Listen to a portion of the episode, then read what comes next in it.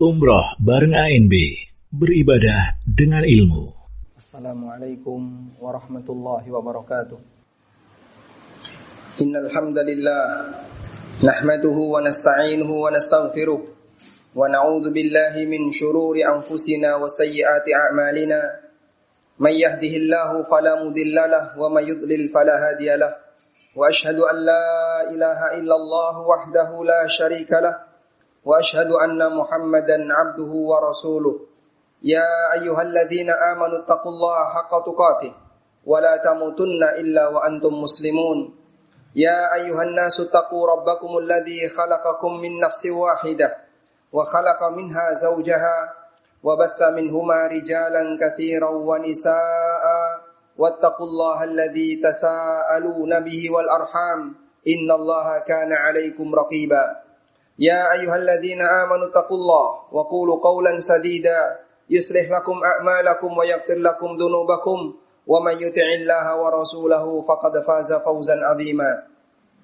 أما بعد فإن أصدق الحديث كتاب الله وخير الهدى هدى نبينا محمد صلى الله عليه وسلم وشر الأمور محدثاتها فإن كل محدثات في الدين بدعة وكل بدعة ضلالة وكل ضلالة في النار.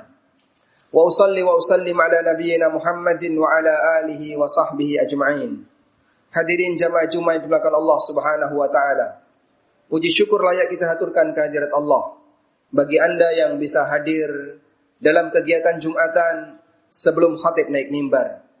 Karena sebagaimana disebutkan dalam hadis yang sahih, Allah Subhanahu wa taala mengutus para malaikatnya untuk berjaga di depan pintu masjid mencatat setiap jamaah yang datang sebelum khatib naik mimbar. Dan apabila imam datang dan sudah naik mimbar, maka para malaikat menutup catatannya wasami'ad dzikra dan mereka turut mendengarkan kegiatan Jumatan.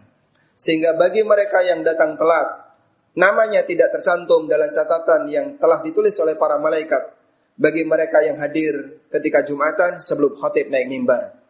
Karena itulah mari kita persiapkan waktu bagi siapa pun yang ingin Jumatan untuk kemudian bisa hadir sebelum Jumatan dimulai. Selanjutnya jamaah dimangkal Allah Subhanahu wa taala. Sebagai orang yang beriman, kita mengimani dan meyakini bahwa hidup tidak sekali. Ada kehidupan yang kedua, kehidupan yang isinya hisab dan tidak ada amal. Kehidupan di mana kita akan mempertanggungjawabkan setiap perbuatan yang kita lakukan. Termasuk juga dalam kehidupan yang kedua ini, semua sengketa akan diselesaikan oleh Allah Subhanahu wa taala.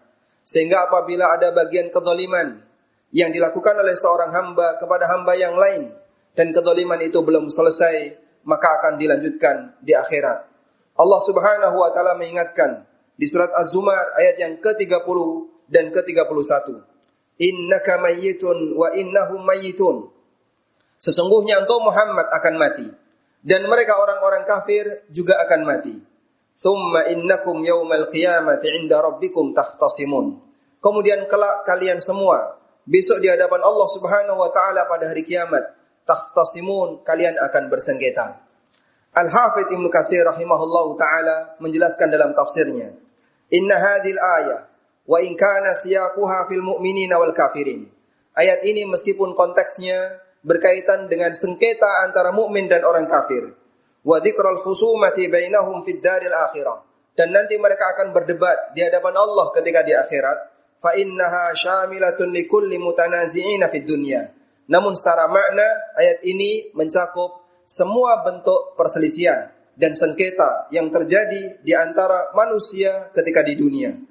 Fa innahu tu'adu alaihimul khusumatu fid daril akhirah semua bentuk sengketa, semua bentuk permusuhan, semua bentuk hal yang tidak nyaman yang terjadi antar sama manusia akan diulang kelak di hari kiamat sampai keadilan itu ditegakkan oleh Allah Subhanahu wa taala. Disebutkan dalam hadis yang sahih riwayat Ahmad dan yang lainnya dari sahabat Az-Zubair Ibn Al-Awwam radhiyallahu anhu. Beliau pernah bertanya kepada Rasulullah sallallahu alaihi wasallam. Beliau menceritakan, lamma nazalat hadis surah ala Rasulillah sallallahu alaihi wasallam innaka mayyitun wa innahum mayyitun thumma innakum yaumal qiyamati 'inda rabbikum tahtasimun ketika turun ayat ini kata Zubair bin Awam Ay Rasulullah, ayukarraru alaina ma kana bainana fid dunya ma'a khawasid dhunub. Ya Rasulullah, apakah sengketa yang terjadi di antara kita ketika di dunia akan diulang di samping kita juga harus mempertanggungjawabkan dosa yang telah kita kerjakan.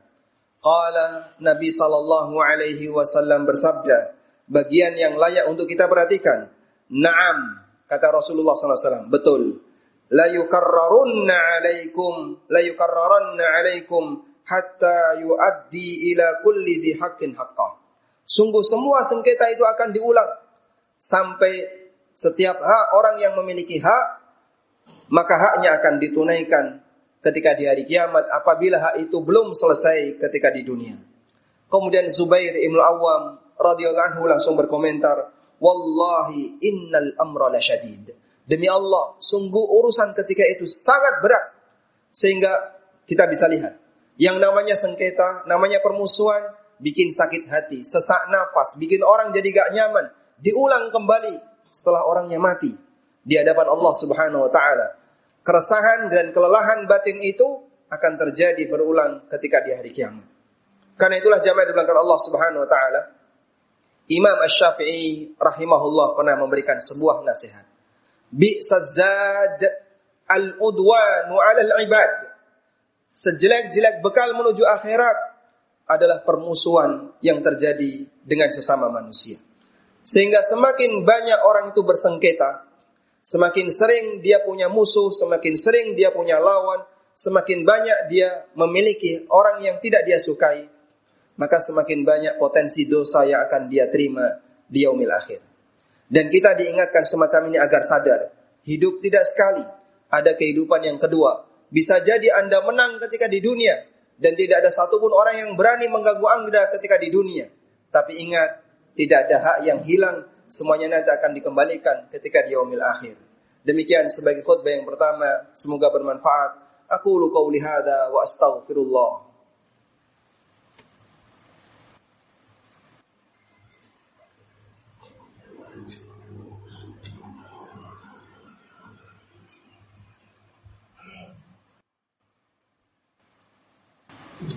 Alhamdulillahi wa kafaa والصلاة والسلام على رسول المصطفى وعلى آله وصحبه ومواله وأشهد أن لا إله إلا الله وحده لا شريك له. وأشهد أن محمدا عبده ورسوله. يا أيها الذين آمنوا اتقوا الله حق تقاته. ولا تموتن إلا وأنتم مسلمون. Imam Bukhari meriwayatkan dalam sebuah hadis yang diceritakan oleh Ummul Mukminin Aisyah radhiyallahu anha.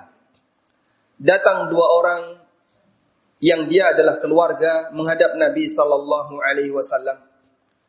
Masing-masing menyampaikan alasannya dalam sebuah sengketa rebutan warisan.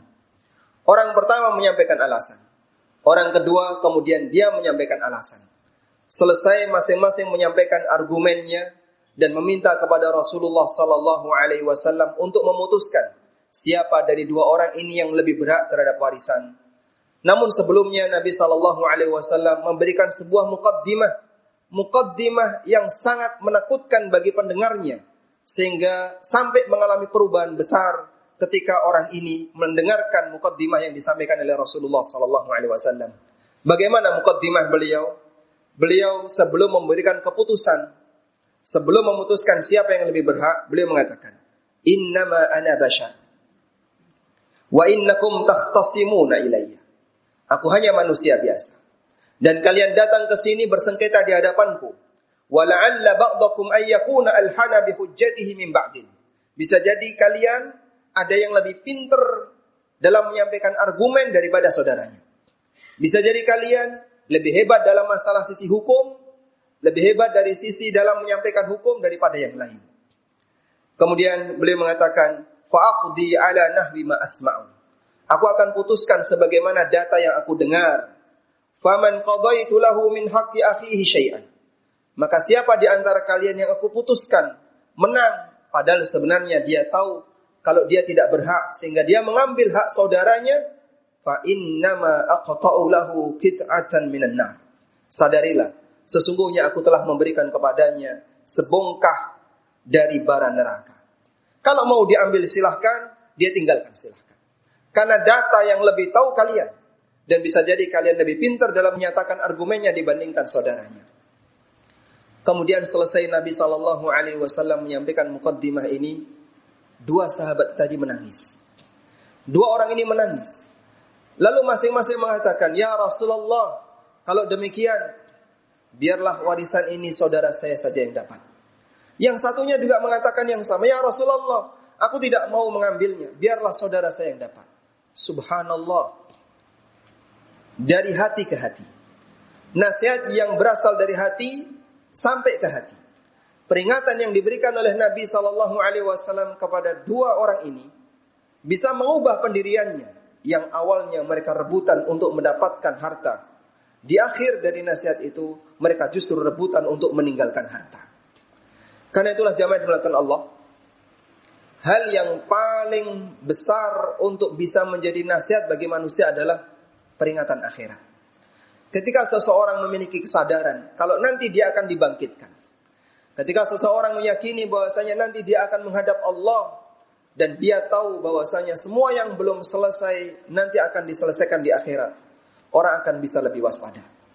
Sekali lagi, ketika di dunia keadilan tidak sempurna. Ada banyak orang yang korupsi sampai mati tidak pernah dihukum. Ada banyak orang yang dia mengambil hak negara sampai dia mati dan dia belum pernah tersentuh dengan hukum. Dan ada banyak orang yang ketika rebutan warisan dalam keluarganya dia menang di pengadilan padahal sebenarnya dia tidak berhak secara agama dan nanti semuanya akan menghadap kepada Allah Subhanahu wa taala. Hak yang tidak selesai akan dilanjutkan di akhirat. Karena itulah jamaah dimakan Allah Subhanahu wa taala, jadilah hamba yang nol kezaliman. Bagaimana bentuk nol kezaliman? Jangan sampai ketika kita mati ada hak orang lain yang belum selesai. Segera ditunaikan ketika kita masih hidup apa pun bentuk kedoliman, baik kedoliman berkaitan dengan masalah harta, baik kedoliman berkaitan dengan masalah kehormatan orang lain, atau kedoliman yang berkaitan dengan hal yang lainnya, segera untuk diikhlaskan sebelum dinar dan dirham serta mata uang apa pun tidak laku untuk dijadikan sebagai alat bayar karena semuanya akan diselesaikan dengan dosa dan pahala.